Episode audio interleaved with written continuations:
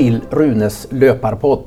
Jag är idag i Karlstad inne på lastbilscentralen av alla ställen där en av eh, dagens gäster, eh, Henrik Gustafsson, jobbar. Och den andra gästen är eh, Magnus Albinsson. De gjorde någonting som imponerar på mig väldigt, väldigt mycket i mitten på september. Då var det en, en kan jag säga, äventyrstävling, tror ni att det stämmer? Det låter bra. Först gjorde Magnus här en Finnskoga, ett Finnskoga-Lasse-svar som värmländskt. Hyland intervjua, eller vem det nu var, Plex. Det gick ju bra det här Finnskoga-Lasse. Då nickade han i radiointervju.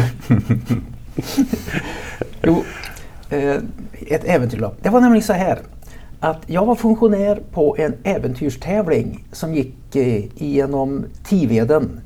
Eh, kan ni berätta lite om vad det var för äventyr, vad, hur tävlingen gick ut på?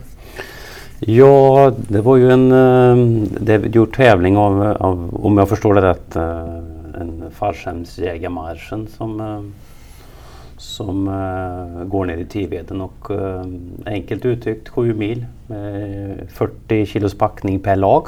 Två i varje lag. Så att 20 kilo var eller valfritt mellan 20 och 40 kilo. Sen så orientering in mot, mot Karlsborg med ett antal kontroller under under resan.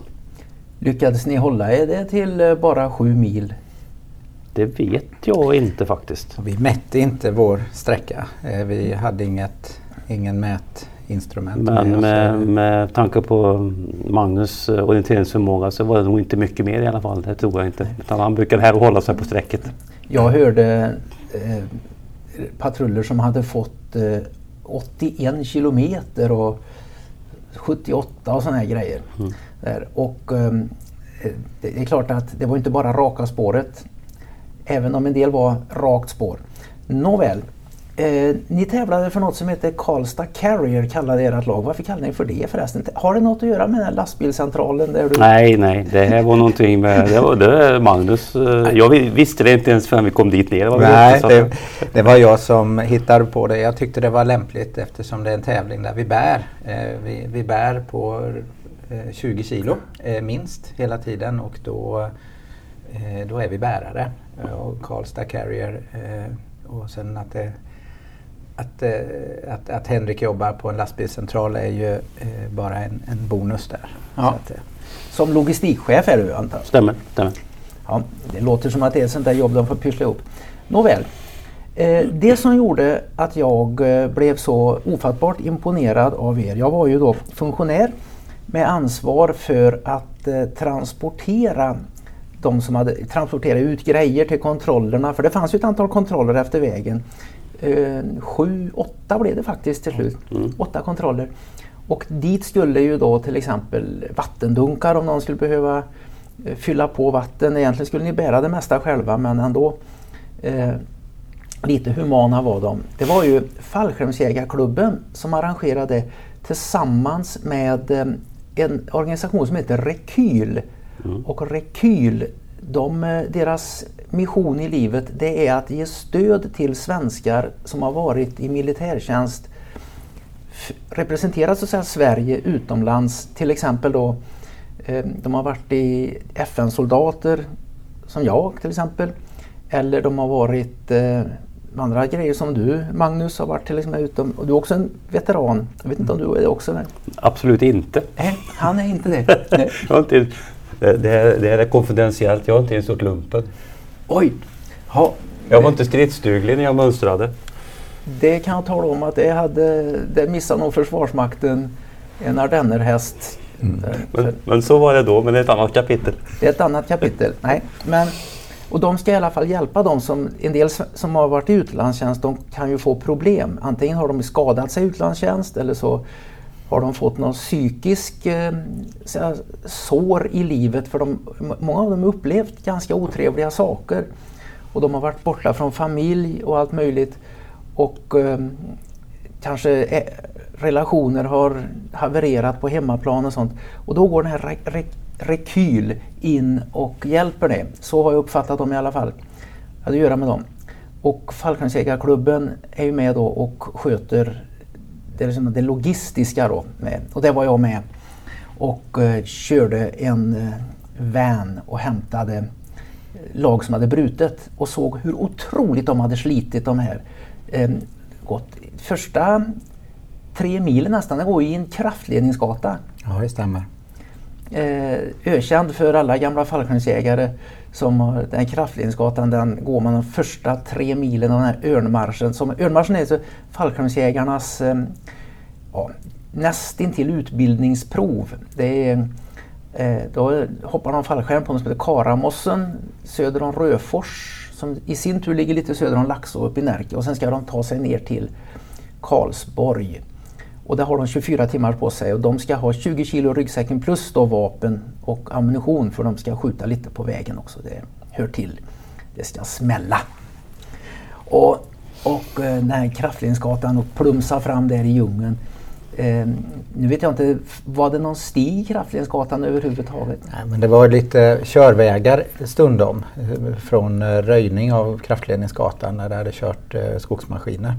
Mm. En stig eh, skulle inte jag kalla det. Och, det tycker jag är förvånande. Jag, jag blev förvånad över det. För jag, jag hade framför mig sett att det skulle vara en stig med tanke på att det här var tredje året plus att man är där ganska mycket. Men det, det var ju väldigt lite stig faktiskt. Det är väldigt lite stig.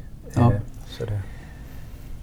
Ja, det är väl det att det kanske inte finns något givet Nej. ställe att gå på utan folk, någon går där och någon går fem meter Precis. vid sidan. Och över hela, hela jag, har, jag har ju sprungit den sträckan, gått ändå en gång som värnpliktig och 1976 och sprungit den ett antal gånger också. Okay. För skojs skull. Mm.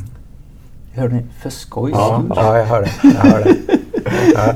Vi kommenterar inte det. Nej, jag tror ni är samma andas barn. Så ni alltså, okay. Ja, jag förstår. Så, det, kan det vara. Det. Är det. det, det är ett gammalt uttryck att varför gör du något sånt här? Varför lägger du i 20 kilo i en ryggsäck och sliter dig igenom Tiveden ner till Karlsborg med utmattning och eventuella skavsår och sömnbrist och sånt.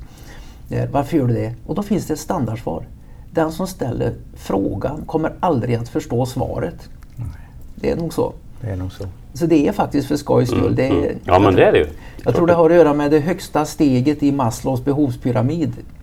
Att eh, när man är mätt och nöjd och alla behov tillfredsställda så är det det att det ska till någonting extra och då är det sån här som Para Endurance Race som tävlingen hette. Mm. Perfekt mm för någon som vill ha lite utmaningar. Men jag såg hur slitna de här var som jag var och hämtade.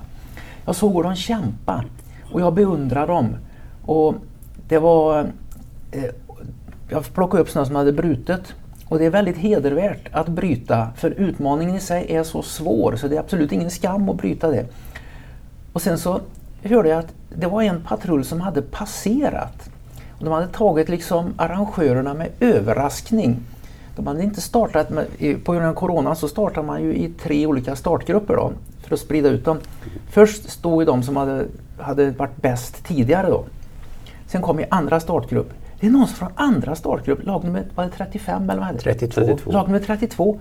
De har sprungit förbi hela en halvtimme. De har tagit in på första startgrupp och så har de sprungit förbi hela startgrupp och där har de där, de där eh, hundförarna från polisen, de är ju råstarka. De har de sprungit förbi. Och så de där som vann förra året, de där i några slags orangea tävlingskläder. De har sprungit förbi dem också. De har ju vunnit två år i rad tidigare. Men vad är detta? Sprungit förbi? Jag fattar inte riktigt det. Eh, sen så såg jag aldrig till er, för jag låg ju längre bak, förrän det var, blev en panik bland arrangörerna. De här som har sprungit lag 32. Vi, vi hade ju tänkt att, att när man har avvecklat en station så ska man hoppa fram ett antal kontroller och vara funktionär där. Men den kontrollen är ju inte avvecklad och de här har ju, de ligger ju alltså flera mil före. Nu, vi måste ha ut folk så att inte det är tomt när de kommer till station 6 och 7 och 8. Och, så det var lite panik där. Och sen så såg jag de här som verkligen sprang. På någon rekordtid med ryggsäckar sprang de med ett löpsteg. De hasade sig inte fram alltså. Jag tänkte att det var det jäkligaste jag har sett.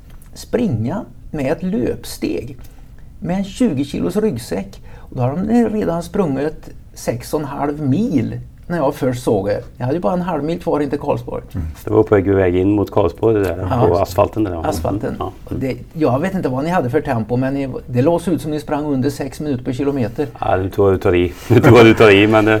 Men det, var, det gick bra där. Det gick fort. Och mm. tänkte, tänkte jag att hur i helsike är detta möjligt? Och jag har varit med om mycket i uthållighetsidrottens värld och sett mycket och blivit en finsmakare på det. Det krävs väldigt mycket nu för tiden att jag ska bli imponerad av någon uthållighetsprestation. Men det kände jag att det här var någonting helt nytt. Då tänkte jag på springa med 20 kilos ryggsäck. Det har jag provat själv.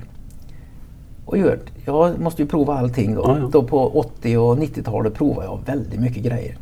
Jag har planerat till exempel att springa över Amerika.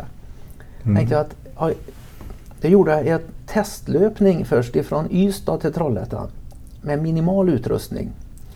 Och sprang. Och då hade jag ingen support eller någonting naturligtvis. Så ska man inte ha om man springer över Amerika.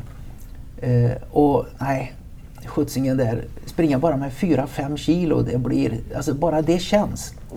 Prova att springa med ännu tyngre ryggsäck så jag kunde få med mig tält och grejer för normal komfort. Nej, det kunde jag först glömma. Och så kommer de här och springer med 20 kilo. Och springer verkligen. Då tänkte jag på, undrar om någon annan har tänkt på att man faktiskt kan springa det här um, Power Endurance Race med ryggsäck. Tänkte jag på den här australiensiske, han var då 61 år, Cliff Young. När det första loppet mellan Sydney och Melbourne gick 1983.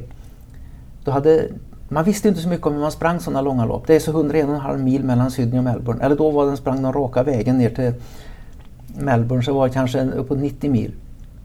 Och det var ju många av världens bästa där för det var ju bra med prispengar. Och de sprang.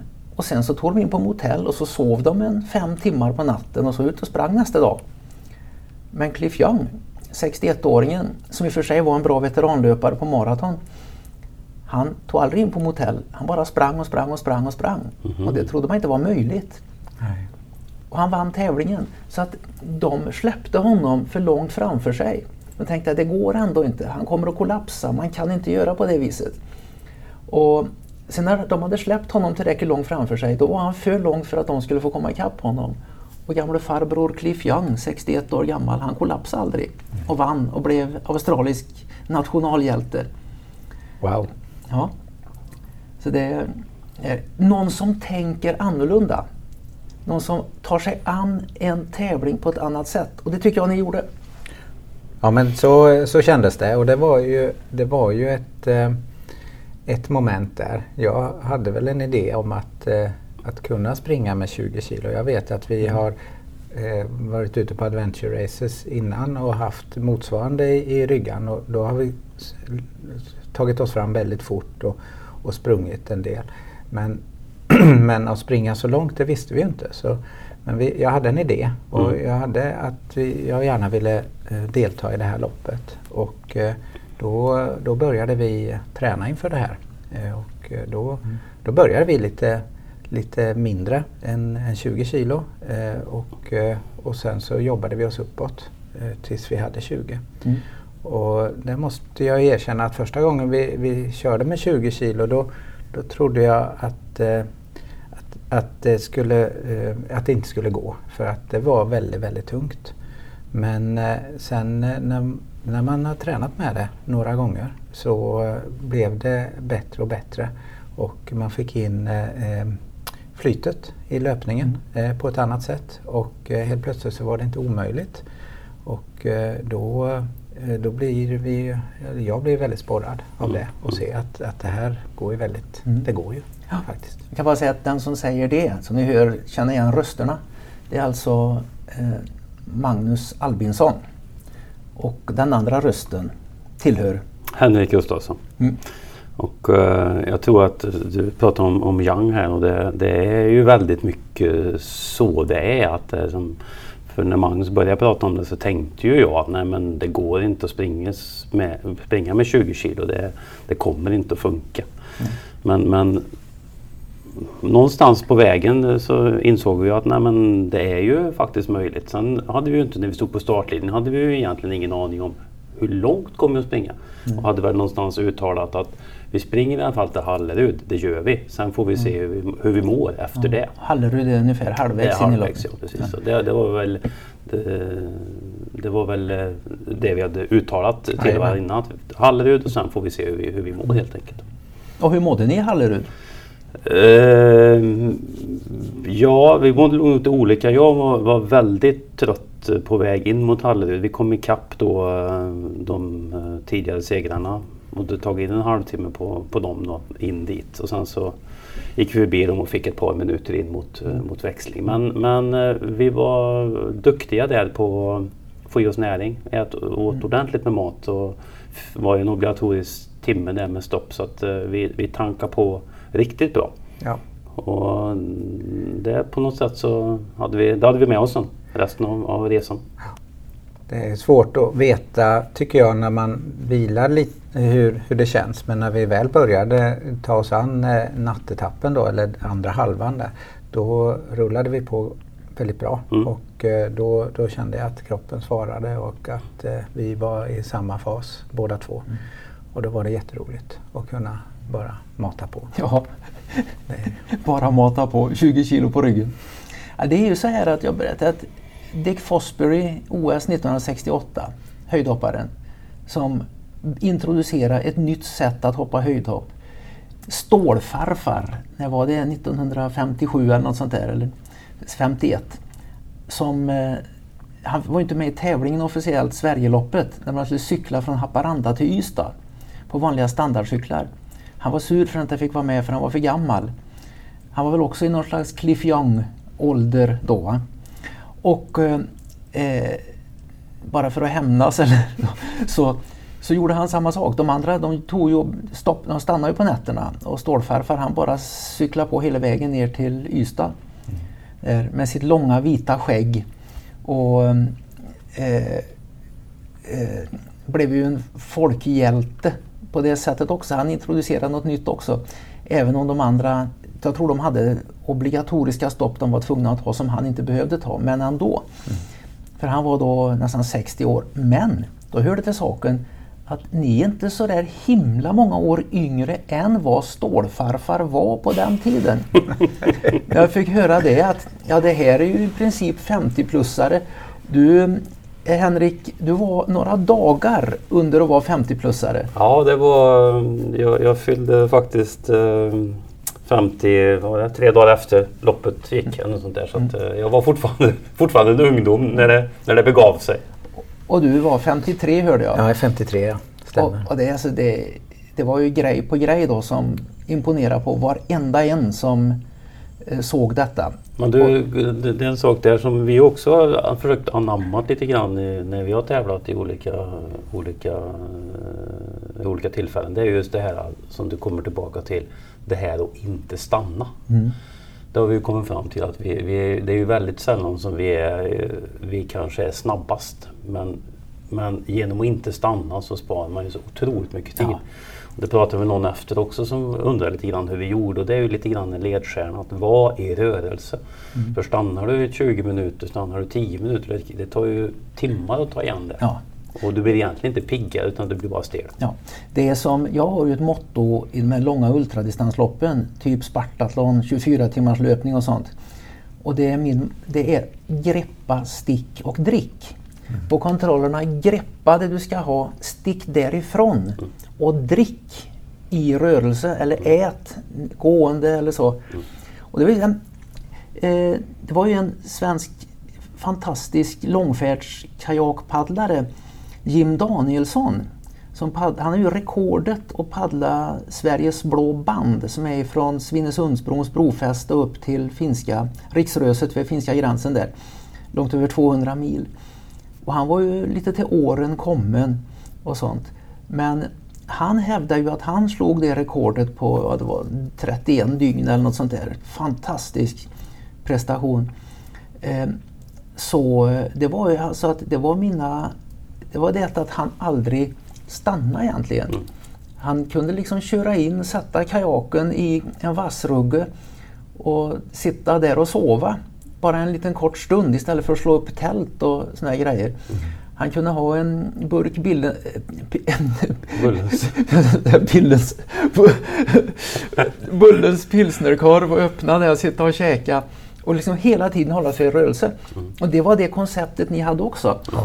För jag har ju sett på 24 timmars lopp framförallt, ultralopp, och ja, hur mycket de slösar bort tid vid kontrollerna. Och ni höll er i rörelse. Vi håller, höll oss i rörelse och vi, vi försöker eh, eh, de nödvändiga stopp som man behöver göra, kanske fylla på eh, vatten eller man be- i, i, i ryggsäckarna eller man behöver eh, göra behov eller de här. Att, att vi samlar ihop så att vi, eh, vi kommunicerar med varandra att, att snart behöver vi stanna för, för den här saken. Och då gör vi eh, alla saker samtidigt där. Så då blir det ett, ett minimalt stopp och sen så på't igen. Och, eh, och, och att vi inte stannar titt som tätt. Och vid kontrollen också, det är inget småprat utan vi, vi, vi går in direkt. Från starten uppe i Karamossen, någonstans uppe i Närke, så var det ju som sagt var kraftledningsgatan i nästan tre mil. Va? Mm. Och plumsa fram i djungeln och lite odefinierbara moras och allt möjligt. Och det var ju inte helt platt heller. Men där tog ni ju fram, sprang ni någonting i kraftledningsgatan? Ja, vi sprang, alltså vi, vi, hela, under hela loppet så var ju målsättningen att springa när det är eh, platt och nerför och sen gå upp för, att spara mm. framförallt pulsen för man får ju väldigt hög, hög puls som sliter över tid. Så att eh, vi sprang ju även där när, det var, när, det, när vi tyckte att det var löpbart. Ja, det gjorde vi. Det gjorde vi. Det är det. Och eh, de, eh, de, eh, det är kortare sträckor där än vad det är när det blir grusväg sen eh, Ja. på natten. Men eh, vi försökte springa de kortare sträckorna då. Ni hade en del moment ni skulle göra på det här Para Endurance Race också. Kan ni berätta lite om dem? Det var moment eh, som eh, tränade det, vad ska vi säga, intellektet och att man eh, har skallen med sig också. Eh, och det är ju, vi, eh, vi var ju trötta och eh, det är ju eh, känt att man kanske inte är brightast när man är som tröttast. Så det var en utmaning att komma fram till stationerna och få reda på vad är det som ska eh, testas här nu. Eh, och vi, det var minnesövningar, eh, det var en del räkneövningar, det var lite frågor eh, och av den karaktären som gjorde att det var in, vi visste inte hur lång tid det skulle ta vid stationerna. Eh, vi, fick in, vi visste att vi fick inte lämna stationen förrän vi hade löst uppgiften. Vilket sätter en press på att eh, vi måste klara det. Eh, det- finns inget alternativ. Och eh, någon station där så, eh, så fick vi göra omtag och ett omtag till för att vi eh, fick det inte att fungera första gången. Lite för stressade, kom in eh, med för mycket tävlingsmod i, i kontrollen kan vi, kunde vi konstatera efteråt. Helt Att klart. vid nästa station måste vi liksom vara lite, lite coolare och sådär. Så där tappar vi nog en 10 minuter kanske, Ja, något sånt där. gissar. Det, det är inte mycket egentligen. Nej, men det, återigen ska man springa ikapp 10 minuter så får man hålla på ett tag. Ja, det får du göra. Är det. det. Det, är så. Mm. Eh, Jag är ju gammal orienterare och det är ju du också Jajamän. eh, Magnus. Eh, Jag sprang orientering förresten nu i förrgår, dagen innan, två dagar innan detta spelas in. En sån här liten oambitiös eh, Mm. träningsorientering utanför, på Hunneberg faktiskt. Och eh, ja, det, man gjorde en liten snurr på något ställe och en liten snurr på något ställe och det springer du inte ikapp Nej. alltså. Nej, så är det. Eh, Men detta med de här mer intellektuella utmaningarna det har att göra med fallskärmsjägarnas örnmarschen. Som då, du måste klara örnmarschen för att du ska få bli dekorerad med den gyllene örnen som är utbildningstecknet och få kalla dig för fallskärmsjägare. Du, får inte bli, du är soldat fram till du har gått örnmarschen godkänt och sen får du kalla dig fallskärmsjägare. Men inte förr. Eh, så att, eh, och då eh, en fallskärmsjägare, eller vilken soldat som helst egentligen, som är så trött och slut så han inte kan lösa vanliga intellektuella uppgifter.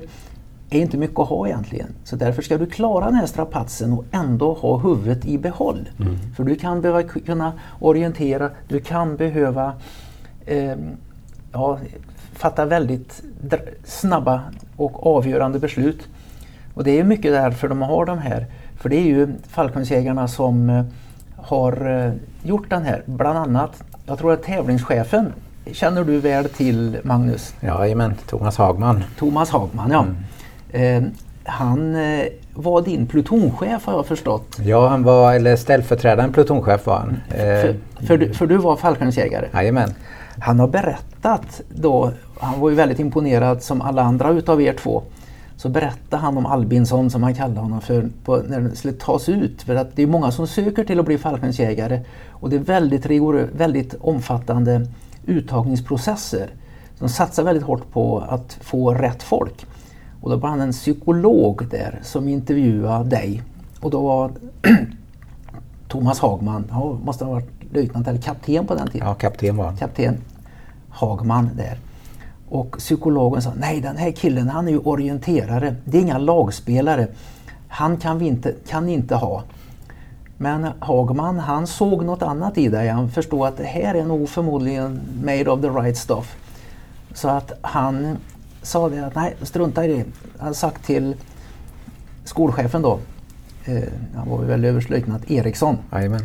Att, eh, nej, ja men jag vill ha honom. Skiter i vad psykologen säger. Ja, då får du ta honom på din pluton. Och så Men sen prisade Hagman dig som en väldigt, väldigt värdefull tillgång i där.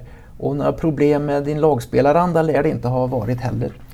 Nej, det var det inte. Det är, det är ju en myt detta att håller du på med en individuell idrott så är du ingen lagspelare. Det och det får man nästan vara psykolog för att inte begripa. Mm. Nåväl, men så var det med det. Men så sen, det.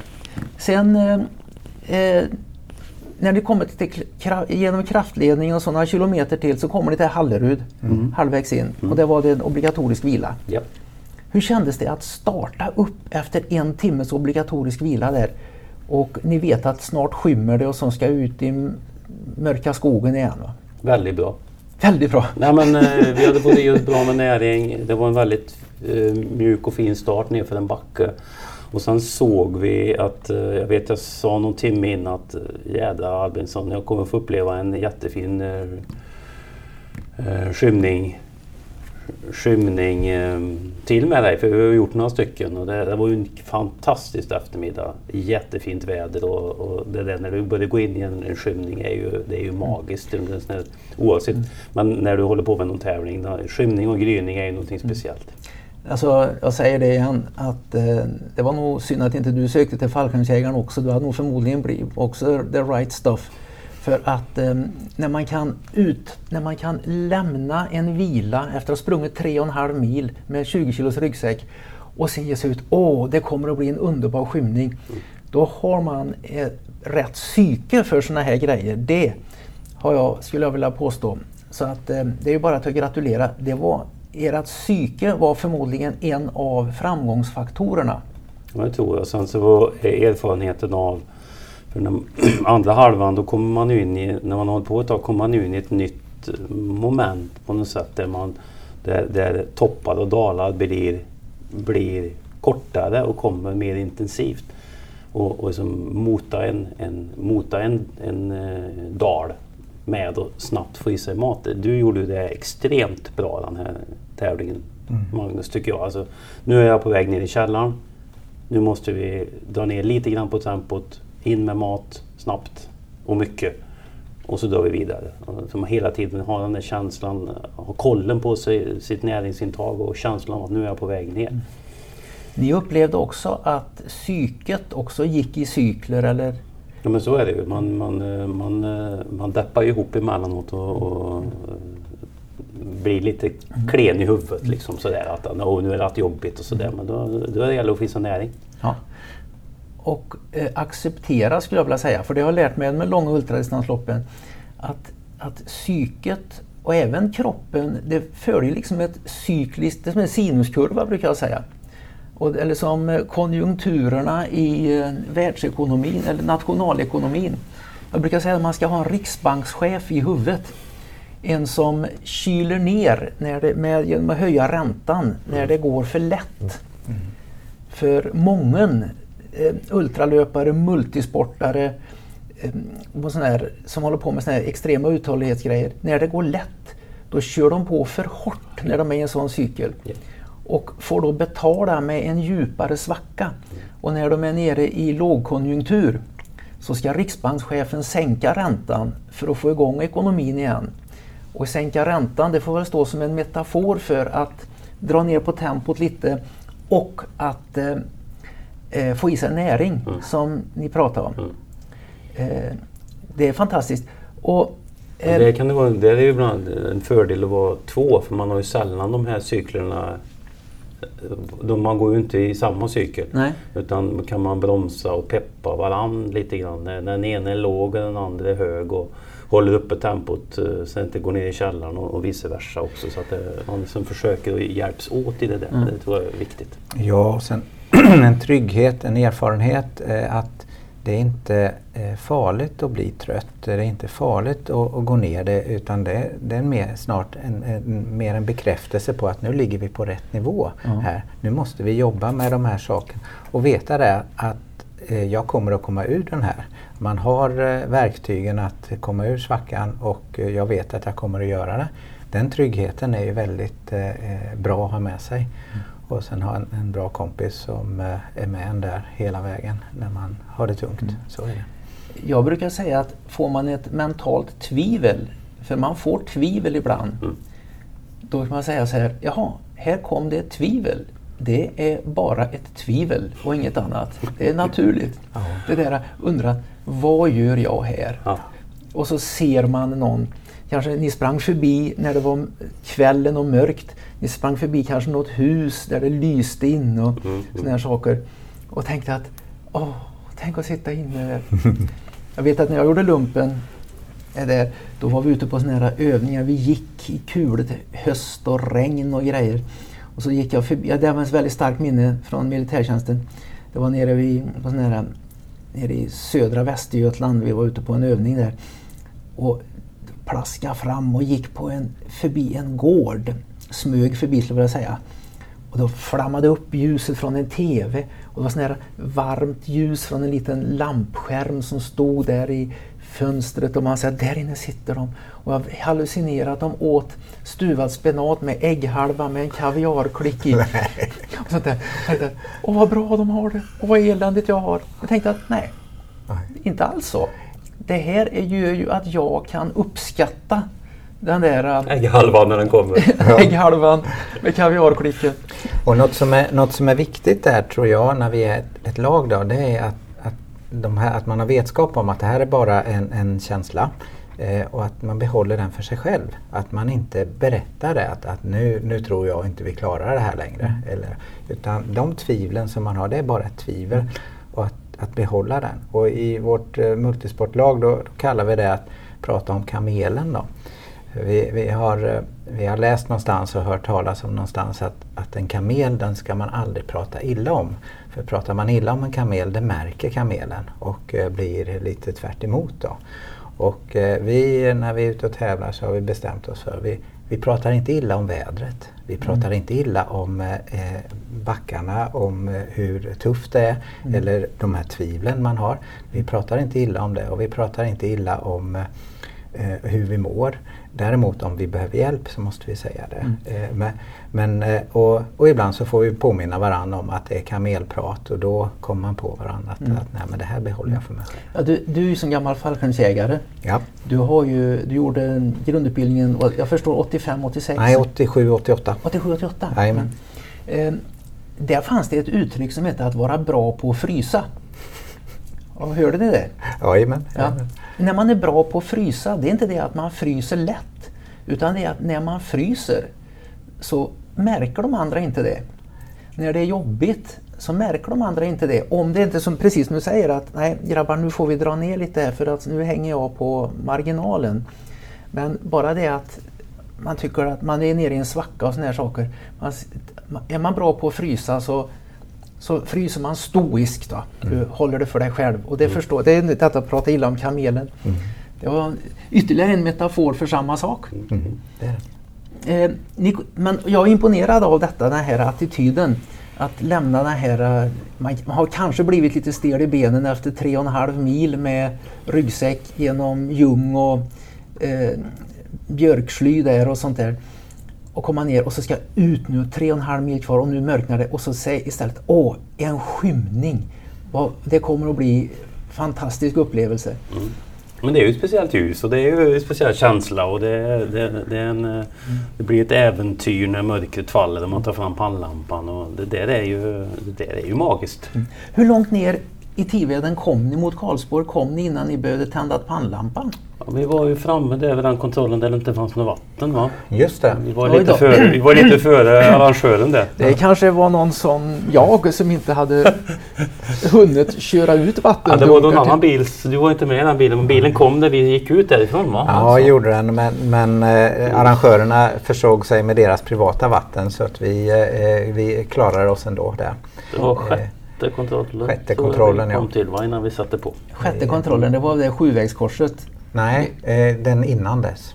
Eh, den eh, i... Eh, En liten tjärn där tror jag va? ja, och vi hade precis gått igenom lite Jaha. skogsparti innan vi kom. Men dit. var inte det femte Det kanske var kontrollen? femman. Det var kanske var Femman. För Ja. sj- sjätte kontrollen det var sjuvägskorset där på Perstorp. På Det vi skulle dela på oss, ja. Ja, det. ja. Ni skulle dela på er. Ja, det var det ju. Och det skulle vi orientera var för sig. Eh, och återsamlas då ett antal kilometer längre fram. Vi fick varsin karta. Istället för att ha ett gemensamt så fick vi varsin karta med varsina kontroller som skulle tas eh, och vi skulle eh, träffas vid, vid kontroll. Och det var ju inte bara två kilometer det här utan det var en, en ordentlig sträcka ändå. Där drabbades jag av ett litet missöde på väg. Jag hade tagit första kontrollen och på väg mot tvåan så konstaterade jag i, i huvudet att nu är det ju lite mörkt. Och tänk om pannlampan skulle, skulle gå sönder nu. Bara på, det gick några sekunder så slocknade pannlampan. Ja. Så där, där blev jag lite svett faktiskt när jag fick av med ryggsäcken och hitta pannlampan. Och, eh, konstatera att det var något, eh, något glapp så jag fick springa med handen fortsättningsvis. Men då, då sprang jag så fort eh, jag orkade egentligen eh, just för att komma så långt som möjligt innan den eventuellt slocknade igen. Så jag var faktiskt före Magnus för nästa kontroll och det är ju inte, det är första gången i världshistorien. Nej, naja, men det var jätteroligt att komma till kontrollen och det är alltid oro sådär för man, man kan komma bort och höra att Henrik redan var där. Det var fantastiskt skön känsla. Hur, hur lång i kilometer räknat kan det ha varit som ni fick orientera på egen hand? I mörka skogen?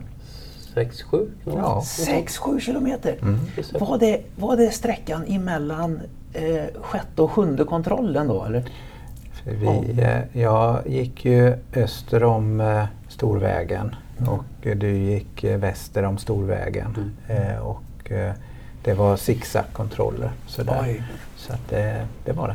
Det var din gamle kapten Hagman som hade lagt den banan skulle jag tro. Det kan jag tänka mig. Kan jag tänka mig.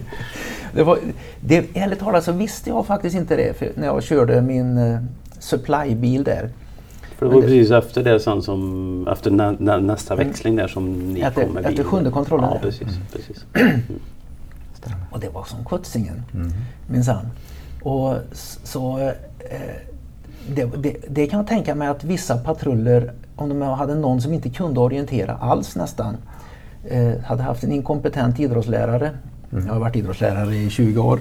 Jag vågar påstå att jag är, om det är någon grej jag kan så är det att lära ut orientering till sjundeklassare. Det, det brukar fungera väldigt bra. Ja, det Det ser man utbildningsresultatet. Men hur som helst, eh, som inte hade haft en, utan de här att ja, ni tre springer ut med en karta. Ni måste ta alla kontroller innan ni får komma tillbaka. Ungefär. Ett väldigt effektivt sätt att döda allt intresse för orientering. Men som är väldigt vanligt bland eh, idrottslärare. Nåväl, jag ska inte prata skit om min gamla profession. Men sen kom ni ner då till eh, ut på mera på väg då på sista halvmilen. Mm. Och det var där jag såg er. Ja. Klösa fram på asfalten med ett löpsteg och 20 kilo på ryggen. Och jag bara sa detta är inte möjligt. Mm. Och sen kommer ni in mot eh, Karlsborg så är det en kontroll kvar, den sista kontrollen. Ja det stämmer. Vi, vi hade det, vid Blängen heter den gamla vallgraven utanför Karlsborgs fästning. Där skulle vi eh, rapportera till en marshal eller en eh, funktionär eh, att eh, vi, vi är där. Och vi visste ju inte vad som eh, skulle hända. Vi, vi pratade på vägen ner om att, och det var väl kanske vår sjuka kring multisport, att nu är det någon vatten, eh, något vattenhinder, någon simning, någon eh, repellering, någon, någon vajer vi ska över. Det, för, det för senaste gången jag var i Blängen det var ju att det var en, en vajer över, en lina över som man skulle ta sig ja. eh, på det ena och andra sättet. Och då tänkte jag det nu. Under värnplikten? Under värnplikten ja. ja. Och då tänkte jag att nu är det något liknande övning som vi ska göra här innan vi får gå i mål. Eh, men eh, ja. Så det var ju befrielse det som kom. Ja. Där gör ni en, en intressant grej. Eh, ni är förberedda på det som ni inte kan förbereda er på. Mm. Mentalt. Mm. Vad som helst kan hända. Mm. Därför att förra året var jag också funktionär på Para Endurance Race. Och då kom de ifrån Blängen där och sprang parallellt med Vättern rakt in mot fallskärmsjägarlägret och sen det stora tältet då som eh, och så det var målet åt det, det hållet.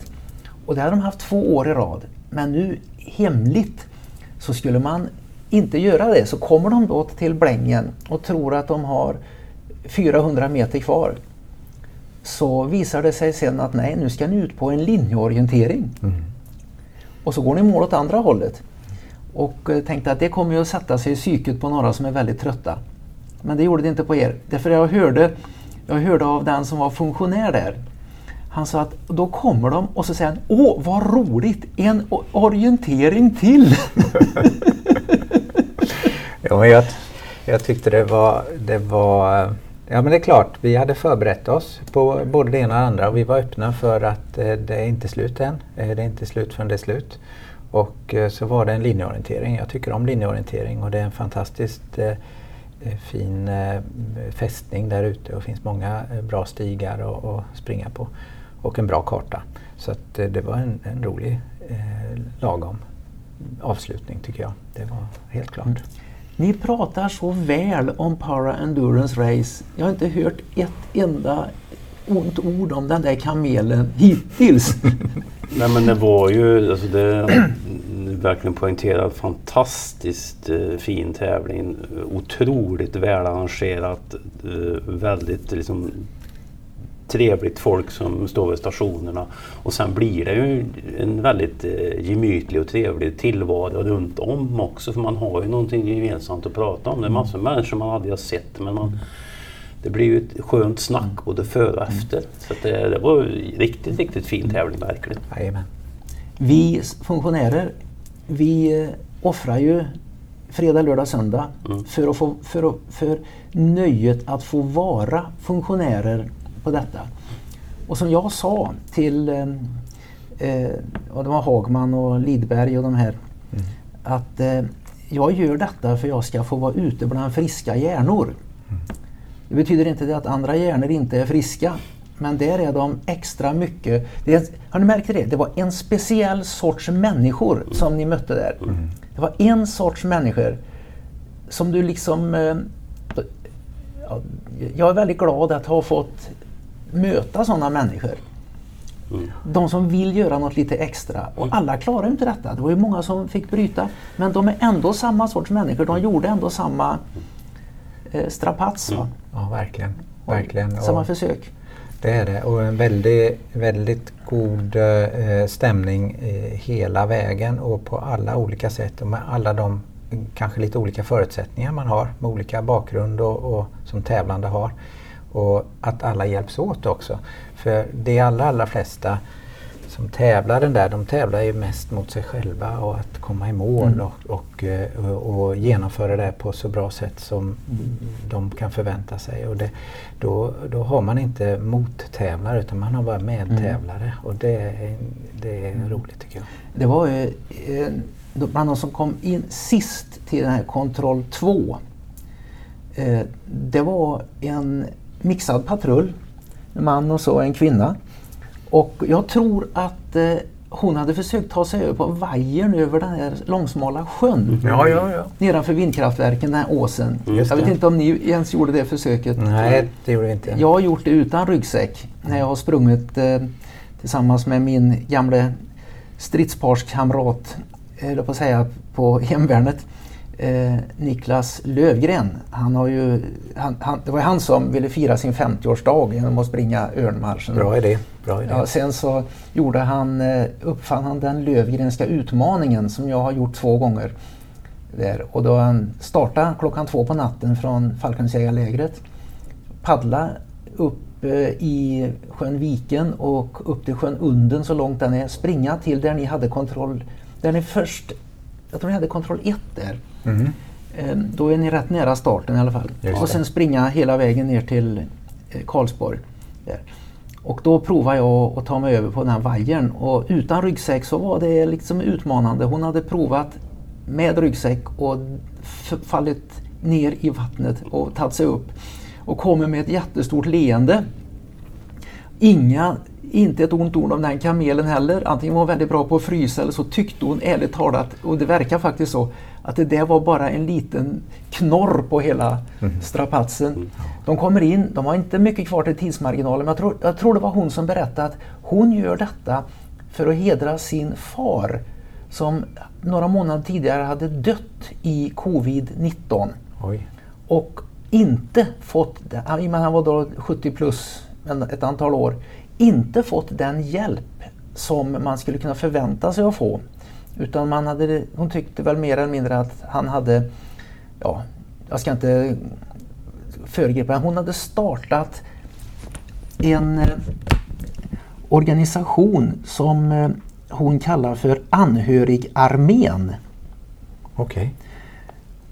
då, där de som var anhöriga till sådana som hade inte fått rätt vård, då skulle jag kunna, ja, om vi inte ska använda ordet, eh, vända sig, klaga, vad som helst. Ja. Och, ehm, jag tror faktiskt de kom i mål, Ja, fast de hade så små marginaler. Men just bara detta, det var hennes idé. Nej, jag vill fullfölja detta för min fars skull. Det finns många olika anledningar. Oh. Och nu ska jag berätta vad jag kände själv. Framförallt efter att jag har sett er springa och tänkte att nej, jag vill inte vara funktionär. Jag vill vara funktionär nästa år för det var de bästa dagarna på hela året. Eh, men jag vill prova att gå själv. Om jag kommer att göra det vet jag inte. För Då får jag offra min plats som funktionär. Kanske någon annan tar den. Eh, men ändå. Va? Ja, men det är ju, det- jag har ju, det är ju tredje året den här tävlingen går och eh, det jag har läst eh, på nätet och jag har pratat med eh, förra segraren Jonas Wiklund och, och de, han, då har man ju blivit väldigt sporrad och väldigt sugen på att genomföra det här ännu mer. Och eh, vi, vi siktade på att göra det redan i fjol Mm. här.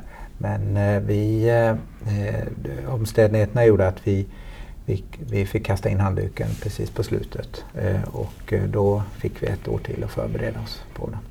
Ja. Men eh, det, att jag blir väldigt inspirerad av att höra Jonas och läsa det jag har och det, det som finns att läsa. Det är, det är helt klart. Det är Para Endurance Race är en av de mest fascinerande strapats och uthållighetstävlingar jag vet.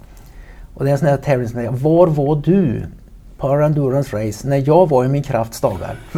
och då ska jag säga direkt, nej, jag tror inte jag hade kunnat upprepa det ni gjorde om jag inte hade fått träna alldeles väldigt. Eh, detta med att springa med ryggsäck. Jag, jag får frågor ganska ofta från någon som vill springa Kungsleden. Springa Kungsleden alltså.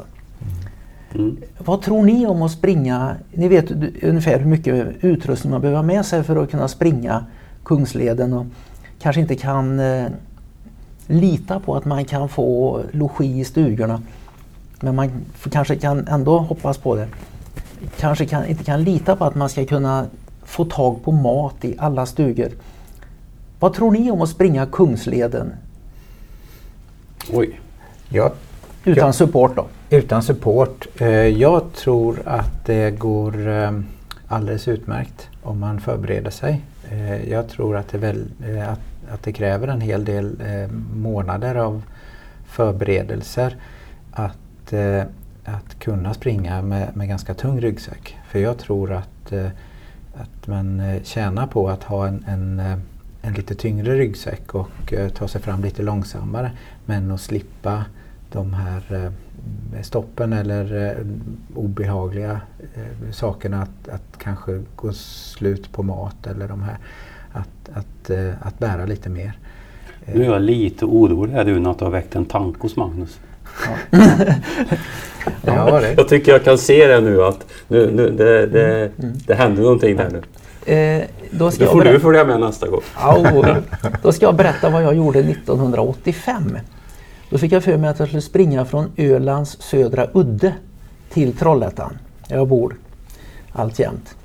Och då sprang jag med ryggsäck med tält och sovsäck och Eh, jag vet inte om jag hade spritkök och rödsprit och allt det, det blev tungt alltså. Ja. Och jag sprang och sprang och sprang på vägarna. Och eh, så slog jag läger på kvällen och sov på natten, badade i någon sjö och det var otroligt kallt i juni.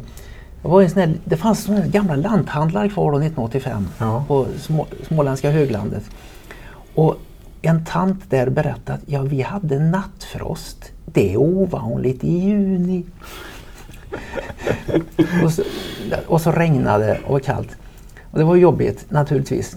Men när jag kom till norra Unnaryd, jag hade gått igenom Smål, hela Småland nästan, på gränsen in till Västergötland, då packade jag ihop och la av. För då kände jag att nej, det här är, jag kommer att bli skadad. Mm. Och den skadan kände jag skulle komma i vristen på framsidan vristen i senorna tibialis anterior. Mm. Och då, de som har provat att springa Kungsleden med packning, och det finns flera väldigt, väldigt starka löpare. Jojje Borssén, Marcus Torgeby, eh, nu skrinnaren Nils van der Poel. Mm. Eh, en av världens bästa på 10 000 meter skridskor. Han var med i den första Runes löparpodd. Har försökt springa Kungsleden och gett upp för den svaga länken har varit vristerna mm. på de alla tre. Men det har jag känt eh, när vi har tränat eh, inför det här att, att eh, ja, det är min svaga punkt också, som fotlederna kan jag säga. Där jag efteråt har liksom fått ganska så rejäl träningsverk och, och lite ont sådär. Liksom. Mm. Så det, det, är någonting, jag vet inte riktigt om det vad det är som gör det. Men, Nej, men eh, då dag efter dag. Mm. Ja, det är klart att det Stenigt. Ja, det, det mal ner vristerna ja, och ja. det är de som man måste stärka upp. Mm. Eh, gå till en, ska du göra detta, springa Kungsleden med packning, börja med att gå till en skicklig idrottsintresserad sjukgymnast. Förklara att du, vad du ska göra och, och liksom imitera på eh, besöksrumsgolvet där hur nära marken man ligger med packning och hur man måste vinkla upp fotbladet, dorsalflexa som det heter, och hur man måste hålla emot i den, den här, så inte fotbladet bara klappar i och den påfrestningen som blir framförallt på framsidan, bristerna. Ge mig ett träningsprogram så jag kan stärka upp det. Mm. Jag har hittat ett själv som okay. har kommit på eh, som eh, jag tror fungerar. Men ändå, där, det är otroligt viktigt om man ska klara av att springa från abisko till öbisko som man brukar säga. Ja men det är det. Och just stenigheten där för det, det ger sig aldrig eh, där utan det är stenigt på de här stigarna eh, i princip hela tiden. Eh, och, och, det förstår jag. Det, det är, eh, det är när vi sprang para endurance race så var det ju en, en hel andra halvan var ju mycket grusväg. Ja. Eh, då är det ju skonsammare för bristerna. Eh, så är det. det är, och, och det, var, det var ju bra det. Mm. Ja, det, det var ju grusväg nästan hela sträckan från Ölands södra udde till Västgötagränsen då där jag la av. Men jag fick ändå ont på fram, eller ont och ont. Jag kände att nu kommer det och fortsatte jag en dag till så är jag skadad. Mm. Eh, fast det bara var väg. Mm. Och det är det här att man ligger närmre vägen och man får vinkla upp fotbladet mm. mer. Jo, för så är det. Man, man får jobba med framsidan hela tiden ja. på valen. En lärdom faktiskt. Eh, ni gick i mål innan midnatt. Ni startade, det har inte hänt förut. Nej. Att man har startat uppifrån Karamossen. Ni startade någon vid halv tio eller något sånt va? Halv elva. Halv elva till och med. Halv elva startade ni. Och så gick ni i mål i Karlsborg i fallskärmsjägarlägret innan midnatt. Mm. På, vad hade ni, 13 timmar? Ja, knappt. Mm. Och då börjar folk räkna kilometertider. Ja, men på drygt sju mil, herregud, det kan man ju gå, det är ju ingenting. Men då hör det till saken att eh, räknar man förresten bort stoppet i Hallerud en timme? Nej. Nej, det är inkluderat. Det är inkluderat. Mm. Då får vi säga det att aktiv tid som ni hade att disponera var knappt 12 timmar. Ja. Knappt 12 timmar. Och sen dessa stationer, det var alltså flera stationer som tog bra med tid Mm. där. Det gjorde det. Och så så att eh, det var det som gör er prestation så fantastisk. Ni var ju inga duvungar från början. Ni var ju väldigt rutinerade på extrema uthållighetstävlingar. För ni har ju tävlat i multisport. Jajamän. Stämmer. Det var ju väl så vi började och tävla tillsammans. Det var ju i multisporten. Ja, multisport eller adventure racing också. Så Mm. att det stämmer. När började ni med det? Ja, ehm, Val, val för sig om man säger så, så är det nog eh, det är säkert nästan 20 år sedan tänker jag. Som jag, som jag körde min första tävling. Sen vet jag inte när det kan ha varit vi körde vår första gemensamma tävling i Finspång men det kan det vara 10 år sedan tio år sedan kanske. kanske. Ungefär. Och jag har också gjort min första för 20 år sedan. Så att vi tävlade lite var för sig och sen så hittade vi varandra för ungefär 10 år sedan. Eh, jag har förstått att vi var med i samma tävling år 2000. Det startade uppe i Sälenfjällen, Ja, i stöten tror jag. stöten, Ja. med 18 kilometers fjällorientering. Sen var det mountainbike-orientering och sen var det paddlar vi ifrån Branäs till Stöllet. Jajamän. Och sen var det mountainbike-orientering upp till norska gränsen söder om Mattila där. Ja, Röjdåfors. Röjdåfors, ja. ja. Och så var det 93 kilometer på Finnskogleden. Ja, det var det. Alltså, det, jag har varit med om mycket i svensk uthållighetsidrott. Vi var ju ett fantastiskt lag jag var med i. Det var handplockat. Det var ju Claes Myrestam. Han var ju Sveriges bästa långdistanstriatlet då. Han vann ju den här järnmannen i Kalmar några år i rad. Ja, okej. Så var det Joakim Halvarsson, han har varit svensk mästare i skidorientering. Så var det Patrik Moris, han har varit svensk juniormästare i skidorientering och så var jag med. Wow. Eh, och eh, alla hade ju sina specialiteter. Jag, jag har varit med i två lag som har fungerat så bra så att eh, man tänker att detta kan inte göras bättre. Och det var, det var en, ett lag jag var krigsplacerad med i lumpen där. Eller ja, det, lumpen var ju förbi då. De jag gjorde repmöte med. Japp. Eh, de, var ju, de hade gjort militärtjänst året innan du, med Ja. killarna. Ja. Helt otroliga pojkar. Helt otroligt eh, ledarskap och allt sånt där i den patrullen. Eh, och så var det den där. Utan det hade vi ju inte klarat det. För Finnskogleden, 93 kilometer, ingenting, bara skog. Ja. Plötsligt så kom ett ont ord om kamelen. Jag tror det var Patrik Moris som stannade mitt i Vem fan har kommit på idén att dra en vandringsled här? ja.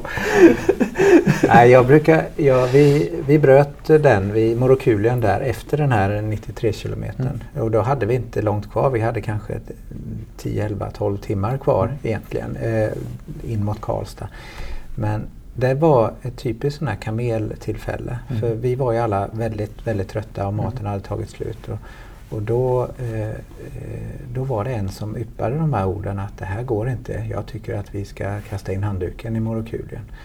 Och, eh, och då spred sig den här, ja det är någon annan som också tänker de tankarna. Ja, ja. Och då fick, då fick eh, vi bekräftelse på de här tankarna så helt plötsligt så var vi tre stycken som, som tyckte att det här är en bra idé att kasta in handduken här. Och eh, det dröjde inte många timmar efter vi hade brutit och, och duschat och, och tag, tagit oss hem förrän vi insåg det att ja, men det var jättetokigt det här. Ja.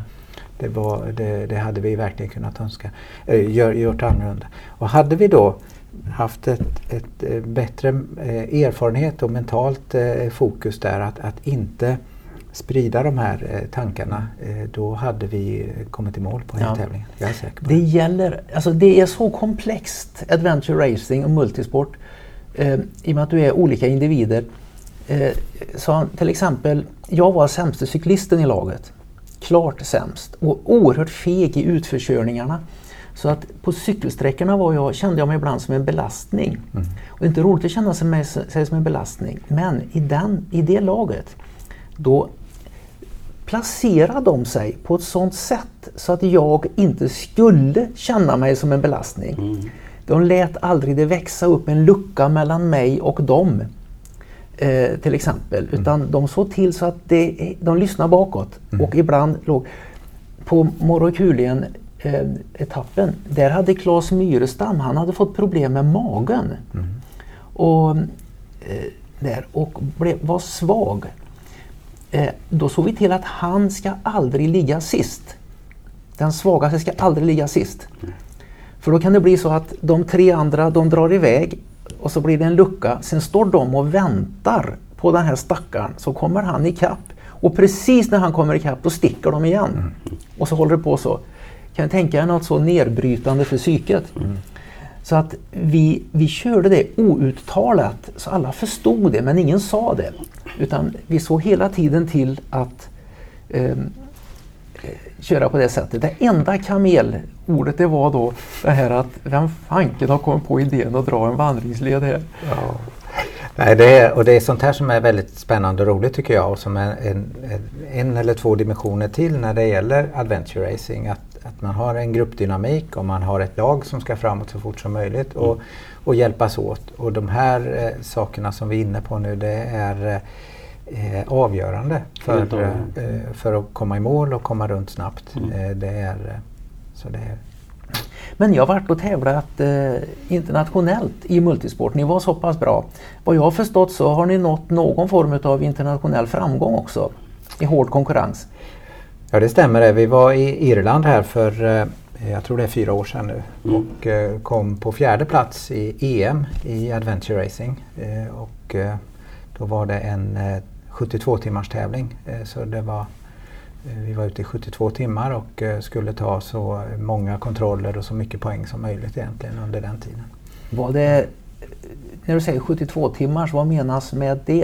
Är det, är det spikat? Att ja, man visste att vi skulle, man skulle vara i mål inom 72 timmar. Annars, och så fick man ju, det var ju en poäng, poängtävling, poäng för varje kontroll man tog och sen poängavdrag om man inte kom i mål i tid. Och flest poäng vann.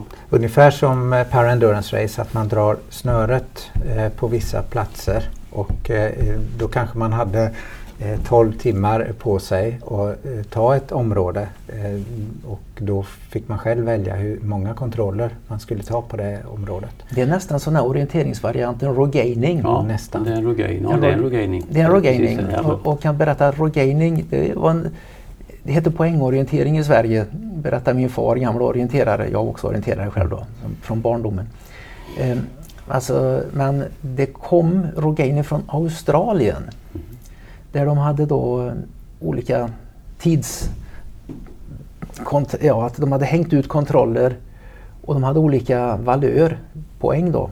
Och så måste du vara inne, den som hade flest kontroller, flest poäng, för de närma de var ju billiga, låga poäng och så de längst bort de fick du mer poäng för. Mm. Och eh, om du var ute för länge så fick du väldigt kraftiga poängavdrag för varje minut som tickade iväg. Mm. Så att jag var faktiskt med i den första rogainingen som gick i Sverige. Den gick nere i Göteborg, wow. utanför Göteborg. Där sprang jag, som jag springa två och två, där sprang jag faktiskt med min fru. Ja. Och vi kom sist. Så jag kan höra att jag har kommit sist i Sveriges första rogaining. Men sen året efter så sprang jag den rogainingen en eh, sex timmars med eh, Joakim Halvarsson som var med i mitt multisportlag den gången när vi sprang där. Och eh, då vann vi. Ja. Eh, det var han som navigerade. Men det var ju inte fantastiskt, ni blev fyra på EM. Det var inte dåligt. Sen var ni i Sydafrika också har jag förstått. Det var innan det. Ja, det var året, året innan. Året innan ja. ja. var vi i Sydafrika och det var en lite längre tävling och en, eh, en, eh, en väldigt stor upplevelse för oss. Då var vi samma lag. Det var Ida Svensson också eh, med och Peter Gustafsson. Mm. Och vi Eh, paddlade i Stilla havet och vi eh, sprang i djungeln och vi eh, orienterade och cyklade i bergen där. Vi kom inte i mål på den tävlingen för ungefär ett dygn innan vi skulle gå till mål så drack vi dåligt vatten som vi missade och eh, rena. Mm. Så vi blev eh, ordentligt sjuka och eh, hamnade i en hydda mitt ute i ingenstans där vi låg och, och inte kom inte längre helt enkelt. Och dessa amöbor. Ja. Som Kapten, Kapten Haddock skulle ha sagt. Japp. Det var ju tufft. Men en upplevelse. En fantastisk upplevelse. Även uh, brytet gjorde ju att det blev en fantastisk upplevelse Ja, i Ja, sig. vi så blev eh, väldigt väl omhändertagna av, eh, av eh, de som bodde där, lokalbefolkningen. Lokalbefolkningen? Jajamän. Mm. Oj. De tog hand om oss. Så vi hyrde in oss i en hydda där över natten för vi, vi kunde inte ringa efter någon hjälp då på, det var ju sen kväll så att de visste ju inte vart vi var och sådär. Så att, Jag eh, blev, eh, fick en lös förfrågan när Raid Galois hette det väl. Just det. Eh, det skulle vara någon slags inofficiellt VM. När det skulle gå i Sydafrika på 90-talet, sista halvan på 90-talet. Då var jag i Schweiz och sprang det här Swiss Alpine Marathon och då var det ju bland annat Nick Bester hette han, en fantastisk ultralöpare. Han har vunnit eh, Comrades, det här 90 kilometers loppet, eh, eh, löptävling då med 18 000 startande. Eh, han skulle vara tävlingschef för ett sydafrikanskt lag. Så frågade han mig om jag skulle vara med, men han var väldigt grinig på omständigheterna. Och sa han att jag gillar inte de här reglerna. Bara för att vi har hemmaplan så måste man ha en utlänning med. Och sen säger reglerna att man måste ha en kvinna med. Och så har de bestämt nu från arrangörerna för i Sydafrika nu, att vi måste ha en svart med. Och det är fem man i laget. Så då kan vi bara vara två sydafrikaner i laget. Okej. Kvinnan och den svarta var liksom inte sydafrikaner. Jag förstår. Förlåt att jag skrattar åt det men Aj, aj. man måste kunna skratta åt vissa saker. Ja, det är roligt. Er idrottsbakgrund, vad är det? Jag, jag åkte skidor i min ungdom, eh, längdskidor alltså. Eh, inte på någon, eh, inte på någon högre nivå. än Skidor och skidskytte var väl det jag höll på med. Men, men som många andra gav sig i övre junioråldern. Så det, men, men det är klart att det, de åren gav ju en bra grund, träningsgrund om man säger så. så, att, så att, och jag var inne på förut att det här med att jag, fick, eh, jag inte fick göra lumpen, det, det visade sig ju att man gjorde sådana här cykeltest och, och, och då slet de av mig av cykeln eh, under det testet och, och konstaterade eller trodde att jag hade något form av hjärtfel för det slog liksom, ja, det blev nog fel helt enkelt. Och det blev utrett sent omsider och, och läkaren som jag till slut kom till skakade på huvudet och sa att det borde de begripa att det är för att du har ett, du har ett eh, vältränat hjärta som slår hårt. Som, som gör den här, det här utslaget. Då. Men det, då var det ju redan för sent. Då, då hade mina kompisar ryckt in i lumpen. Så. Jag hade krävt att få gjort lumpen. Okej, ja. Det var som de här eh, en mönstra 1975. Jag hörde en historia. Då satt de där på Säve depå och trampade på testcyklarna. Sen lägger de ju på dem mer belastning. Varannan minut lägger de ju på. Till slut så satt de där med två killar som satt intill varandra. Två killar från Falkenberg. De satt och trampade och trampade. Ja, nu är det något fel här för vi kan inte lägga på mer belastning. Så något fel på båda era cyklar. Okej. Nej, sa han denna. Jag tror att, eh, jag tror eh, inte det. Jag tror vi skulle kunna trampa ännu mer. Fakt, han är tävlingscyklist och jag är roddare, sa han.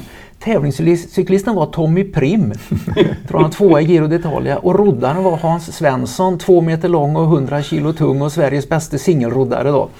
Så att, att Det, var inget, det var inget fel på cykeln. det var inget fel på cykel. Det var- Enda felet på cykel var att det inte gick att belasta dem mer för två sådana killar. Men deras första, det är ju malajer som eh, Ja, ja. administrerar det. Deras första tanke var ju att det här är fel. Jag hörde det ryktet. Men jag tävlade ju roddmaskinrodd senare i slutet på 90-talet och träffade Hans Svensson och frågade du, den där, är det sant? Och då berättade han precis som det var där. Nej, det var helt sant. Ja, roligt. Du är skidåkare Ja.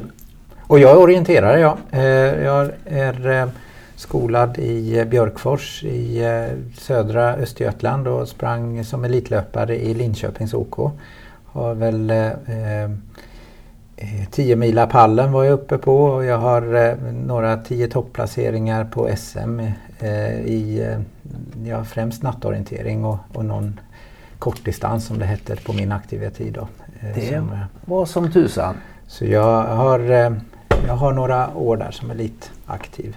Då har du varit väldigt bra på att springa också då naturligtvis. För det kan du inte vara. Du, jag brukar säga det att om du inte gör milen under 31 minuter så har det väldigt svårt att bli elitorienterare på, på landslagsnivå i alla fall.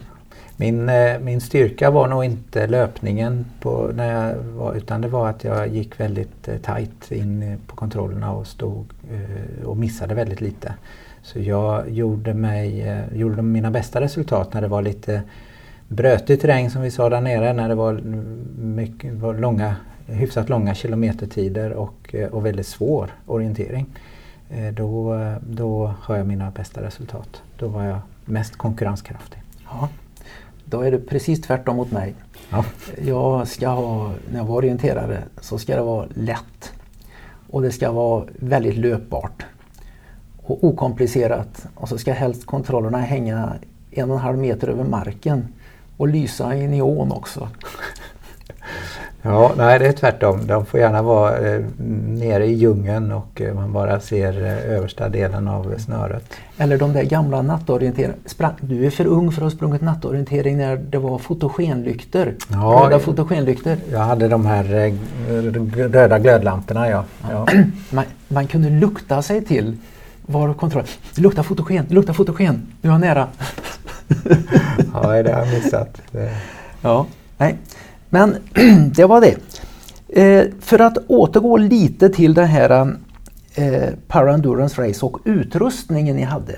Skovalet måste ju varit väldigt viktigt. Var, de flesta, de, nästan alla, de körde ju i vandringskängor. Mm. Vad hade ni? Vi hade löparskor. Uh, första delen körde vi ett par, par mer trail, alltså som passar sig mer för obanat och bra grepp. För i och med att det, det är ju lite, lite ledigt och det är lite eh, ojämnt underlag i, i kraftledningen. Och sen hade vi bestämt att vi i Hallerud så, så eftersom vi har en timme och en timme gott om tid att både äta och, och ta hand om sig själv så mm, som rena torra fötter, nya strumpor och nya skor. Så då, och då körde vi ett par, eh, varsitt par hookar med, med rejält med vi tänkte att mycket grusväg, eh, rejält med dämpning. Okay. Och det funkar väldigt, väldigt bra. Alltså några, några små blåsor efter, efter eh, loppet men inte mer än så. Men inte mer än så. Och, eh, och det som är gemensamt för oss det är att vi har väl insprungna skor och vi har testat dem innan. För det har med vrickning och det har med brister att göra, och det har med grepp att göra och det har med skoskav att göra också. Så att gäller att känna sina fötter och, veta vilka skor man ska ha. Det där med att springa i skorna, det, det, det är ju inte Magnus eh, starka gren. ni, var till, ni var i Sydafrika, vi pratade om förut. Då kom Magnus på när vi kom ner i Sydafrika att han hade glömt ett par skor. Han hade bara ett par löparskor och rent logistiskt gick inte det för man skulle packa i olika lådor och sådär. Så han går till eh, det lokala Ullared ja. kan man säga. Fast i miniatyrformat och hittade ett par skor som kostar 100 kronor ungefär. Ja, knappt det faktiskt. 89. och det var så dålig passform så när han provade sa Det är jättebra, jag kommer inte få några skoskav så jag, jag kan byta och ta höger på vänster och vänster på höger efter ett tag. Ja, de, var, de var båtformade. Så då sprang du i första löpsträckan som var eh, tre mil eller vad kan det ha varit? Ja, vi var ute fyra och en halv timme. Och jag sprang i dem och eh, det var, var eh, det var ju roligt för jag hade inte satt dem i fötterna och de passade mina fötter väldigt bra visade det sig. Och eh, det som var roligt med det, det var att det var väldigt bra grepp på de hala stenarna. Bättre grepp än, än de här trailskorna som var tagna ner från Sverige. Så jag, eh, jag eh, tråkade mina lagkamrater där ett tag med att ha väldigt eh, bra grepp med, med inhemska skor. Mm. Ja, eh, det var... Om ni skulle rekommendera, okej, okay, nu kommer det några till här och säger det att okej, okay, vi vill vara med i Power Endurance Race. Vi tänkte att vi skulle, vi behöver inte springa, men vi ska gå så, vi ska ta oss ner till Karlsborg så fort som möjligt. Vi kommer inte ens att försöka springa. Vad skulle ni råda dem då med utrustning? Det är även ryggsäcken, hur man packar den. Vad gör man ryggsäcken? Varför, hur gör man ryggsäcken tung egentligen? Och hur tränar man och vad har man för utrustning? Jag provar just när vi kommer in på att springa så jag provar, jag hade en, en vandringsryggsäck eh, när vi började prata om det här eh, som, som jag testade först och konstaterade att den, den, kan bara, den kan bara lägga bort för den hade ingen ordentlig stabil ram. Okay. Vilket gjorde att den blev ju som en eh, gymnastikpåse på ryggen. Den slängde hej vilt mm. så va. Så att, jag tror att om man ska om man ska springa då behöver man ha en, en rejäl kolfiberram i som är rejält styv. Mm. För att den håller emot eh, sidorotationen och så vidare. Och det är ju också helt... Eh, jag köpte, eh, Rickard köpte en ryggsäck men köpte den för lätt så att ramen var för, för klen. Den hörde inte så jag fick lämna tillbaka den och byta till. Och i och med att man ska ha 20 kilo så spelar det ingen roll om, om säcken väger en, en, ett kilo till. Liksom. Så det tror jag är, det är helt avgörande om man ska springa, att säcken sitter fast på ryggen. Det, det är väldigt, väldigt viktigt. Det är mer avgörande kanske när man springer men det är ja. också väldigt viktigt när man, när man går. Och är det någon som ska gå, jag rekommenderar ju kängor. Jag, eh, men man ska tänka på att de här kängorna eh, ska vara hyfsat lätta. Det är ju kängor som, som man eh, Eh, det är kängor som man ska eh, eh, gå med varje steg i den här kraftledningsgatan. Och är det täckt då, eh, på varje steg så, så eh, är det väldigt mycket energi som går åt att lyfta fötterna. Så väl ingångna eh, kängor, gärna av låg eh, variant, skulle jag rekommendera eh, att, att gå med. Så att man eh, inte får tryckskador, man får inte skav, man får inte tårna. Eh, och och sen eh, strumpor som man eh, eh, har provat ut som är av hög kvalitet. Jag använder ullstrumpor, gärna två par.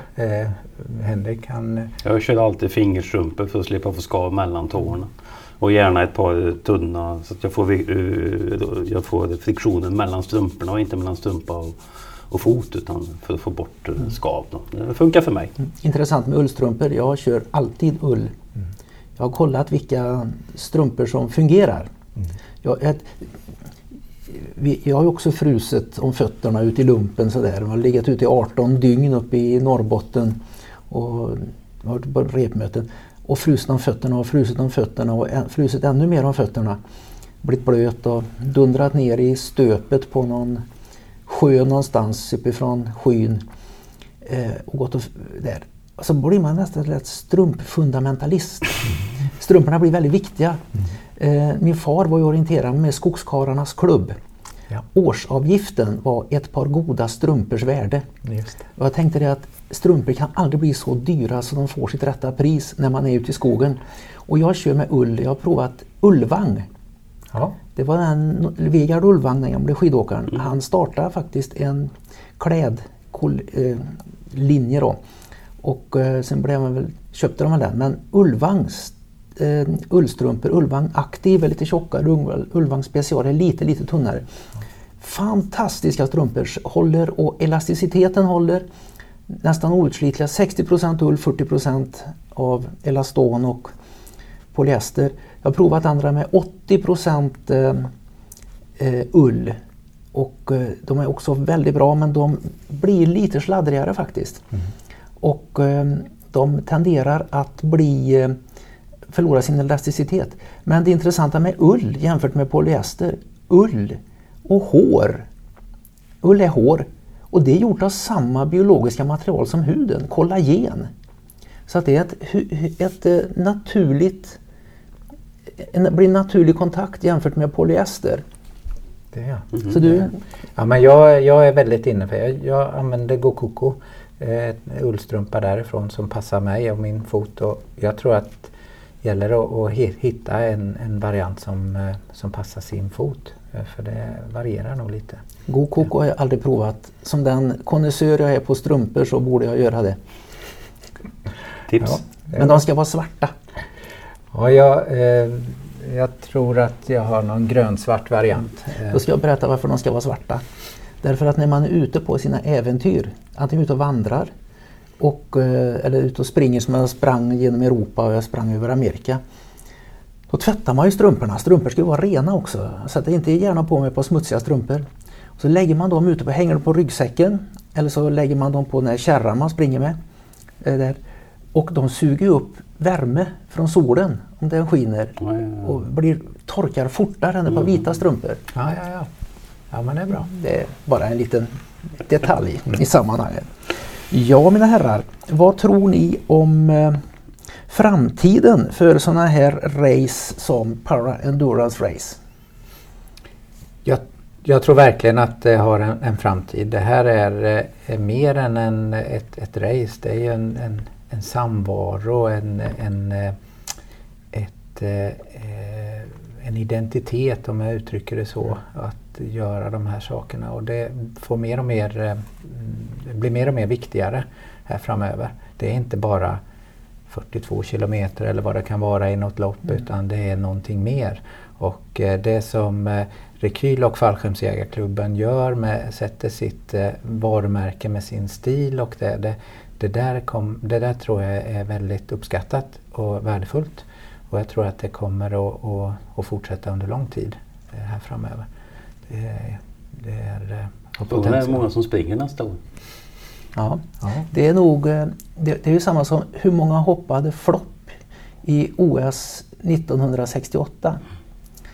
Eh, Hur många som sprang Sydney Melbourne 1983 eh, eh, sprang hela vägen och inte, tog inte in på motell och sov.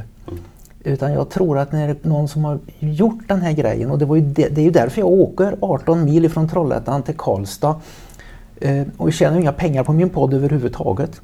För att kunna eh, kolla upp vad är detta för killar? Vad, vad, eh, hur, hur har man tänkt? Kan jag lära mig något av dem? Kan jag, sprida någon, kan jag få dem att sprida någon kunskap om detta? Att inspirera till att tänka nytt om en sport som i och för sig är relativt ny. Men jag tror också att Para Endurance Race och kanske några liknande grejer någon annanstans kommer att ha framtiden för sig. För att det som du säger, en gemenskap, det är mer än bara ett race. Om du står där på Para Endurance Race, eh, om du går dagen innan, för ni ska ha nummerlapp på dagen innan, Jajamän. för att ni skulle få komma in och käka på restaurangen där, militärrestaurangen i Karlsborg. Och man såg vilka ni var så att det inte var fel folk som drällde i lägret. Ser man någon som går dagen innan starten med en nummerlapp på sig så liksom, hm, ja, det är, de har en identitet fast man inte känner dem. Man vet att det är guys and girls made of the right stuff. Va? Så jag tror faktiskt det att eh, de har en, man får en identitet, man, man blir en del av någonting större. Det är som Spartathlon. Jag har sprungit flera gånger, Aten till Sparta. Ja. Eh, det spelar ingen roll om du bryter halvvägs. Du, är fortfarande, du har fortfarande respekt. Du vågar starta. Ja. Du vågar eh, ta utmaningen. Det är, det, är, det är viktigt det där tror jag också. Vi brukar säga eh, att halva racet är gjort när man står på startlinjen och är eh, frisk och eh, hel eh, där och taggad. Då har man gjort hälften av det. Så att bara komma till starten, då är man delaktig i det här. Och eh, sen är det bara racet kvar. Sen, eh, Ja, Henrik och Magnus, jag har lärt mig en del utav er idag. Och det är inte många jag säger det till i ultrasammanhang. För det är ju direkt ultra, det är, det är ju definitivt en ultra, ett ultralopp. ja. När man eh, kör på så, det igång så länge. Det kan vi väl säga att om någon hade sagt till mig för en eh, dryg vecka sedan att jag skulle lära Rune Larsson någonting om uthållighetsidrott då hade jag nog sagt att säkert. Jo men det är så att eh, man, det, men det är det liksom, och just den här eh, inspirationen av, prata inte illa om kamelen, greppa, stick och drick, ni var fruktansvärt eff- effektiva. Våga prova att springa ett sånt enormt lopp. Våga köra det i vanliga löparskor som ni gjorde. Mm. Eh, istället för att bara göra som alla andra alltid har gjort. Va? Mm. Och eh, man behöver inte vara, nu har ju för sig du varit elitorienterare. Men av, eh, ja, du, precis, du skvalpade precis under landslaget eller? Ja, jag hade nog en bit kvar. Eh, men eh, säg att jag var i alla fall bland de hundra bäst rankade i Sverige ett tag. Det var jag. Men du var med på SM? Jajamän. Det var. Bästa placering? Jag har kommit sexa på ett natt-SM en gång. Min far var sjua Ja. på det första natt-SM som någonsin arrangerades 1955. Ja. Det var hans roligaste prestation som orienterare. Sen var han trea på ett veteran-VM i terränglöpning 1977. Men annars så eh, jag slog det min fars bästa tid. Ja. Nattes, na, nattorientering var ju mycket för dem som på den tiden som kunde springa. För det var, i backstreckskartan på fars tid, det var ju liksom gå runt på gärden och sådana saker. Havrestubben sprang man på. Eh, jag har lärt mig mycket, eh, fått mycket idéer. Eh, det känns lite tungt, det kommer kännas när jag åker hem till Trollhättan nu efter detta, att eh, min ungdom är försvunnen. Jag, när nästa Power Endurance Race går är jag 65. Eh, tänkte att tänk om man hade haft några år av den där ungdomliga kraften, den ungdomliga kraften som man hade till man var 53. Alltså det är nu det slutar alltså. Ja, ja det är bra. Men jag brukar säga det att, att den ungdomliga kraften jag hade tills jag hade sprungit ungefär eh, mellan 16 och 20 000 mil. Jag tror det var antalet ackumulerade mil i kroppen som har slitit ner mig. Eh, då hade jag alltså, ja, det hade varit en, det, jag ska säga det, det vattnas i knäna när jag har suttit och pratat med er. Jag säger att det vattnas i munnen när man ser någon läcker maträtt men det här det, det sätter sig i knäna istället. Vi har ju Eh. pratat om, eh, redan pratat om ja, men hur blir det nästa år nu då? Och e, å ena sidan har vi ju sagt att ja, men det här var ett, det var ett väldigt bra race. Vi, vi, vi var i, symbios med varandra och allt funkar bra. Då ska man inte göra en jättebra upplevelse, men då ska man vara nöjd med det. Å andra sidan, kommer det, kommer det, hur många kommer till start nästa år som tänker springa? Om den, den tajtheten som kan uppstå i ett sånt lopp då lockar ju faktiskt jättemycket. Så att eh, budskapet till de som hör det här som Och vad- förbered er för att springa och så Va- Vad, vi. vad vackert det låter. Alltså, då, eh, det är inte som att eh, spy upp en liten svag kille alltså, utan du vill ha kamp. Ja men eh, det är klart att eh, med risk för att låta, låta kaxig men det är klart att när vi kom till Hallerud och hade en halvtimme på tvåan och vi sa att för varje steg vi springer, vi går lika fort, varje steg vi springer så drygar vi ut. Så det, den där kampen den blev ju bara, eh, den blev bara gentemot oss själva naturligtvis. Men, men få en kamp med andra lag från Hallerud och in mot eh, Karlsborg och det är lite taktik och det är lite det. Det är klart att det kittlar. Det är klart, det skulle vara väldigt spännande och, eh, och eh, det lockar. Jag vet hur ni kände er i Hallerud därför att jag, jag var ju med i den här, det heter det, Le Grand Tour hette det. Ja. Vi startade på Sandgrund i Karlstad. Mm. Och så gick vi en jätterunda genom Värmland. Och eh, det var, det var första var 18 kilometers orientering till Kil och så paddlade vi upp till upp mot Sunne där. Mm, mm. Och sen var det nattorientering det blev det och det var 10 centimeter blötsnö Ja, i skogen. Och det året ja. Var du med på det? Arvika. Nej, jag, jag kommer ihåg det. Mm. Och sen kom vi över där och så i Arvika ishall där tog vi ett litet stopp och så låg vi på, i Arvika ishall och då ledde vi ju jättestort då, mitt lag. Eller det laget jag var med i, för det var ju inte någons lag utan var det någons lag så var det kanske Claes Myrestam då som, som var den som mest höll ihop det. Eh, och det var, det var Claes Myrestam det året, det var Anders Tysk, Olle Jonberg. Han sa inte många ord, han, sa, han pratade fyra gånger på två dygn. Eh, tystlåten kille. Och så var det jag. Och så den första han sa, Olle Jonberg, det var när vi gick på en kompasskurs genom blötsnön. Då stod vi till benen i ett kärr och sa jag får stanna och ta på mig jackan annars fryser jag ihjäl. Den andra han sa, det var där vi var i Arvikas ishall, där på ett omklädningsrum och vi skulle sova. Och så ligger han i sovsäcken på rygg på golvet där och så säger någon så här. Ska vi dra ner på tempot nu lite när vi leder så överlägset och köra på säkerhet? Då sätter han sig upp i ryggsäcken. Det handlar inte bara om att vinna, det handlar också om att förnedra. Den, la han sig. Den tredje gången han sa någonting, det var när vi cyklade ner mot Grums andra natten. Och vi höll på att somna på cyklarna där. Och s- det var sen 13 mil som tog 13 timmar på mountainbike. Du förstår att vi gick ju och bar cyklarna genom skogen också på många sträckor. Då stannar han till där mörkt. Jag får ha mig en tjur.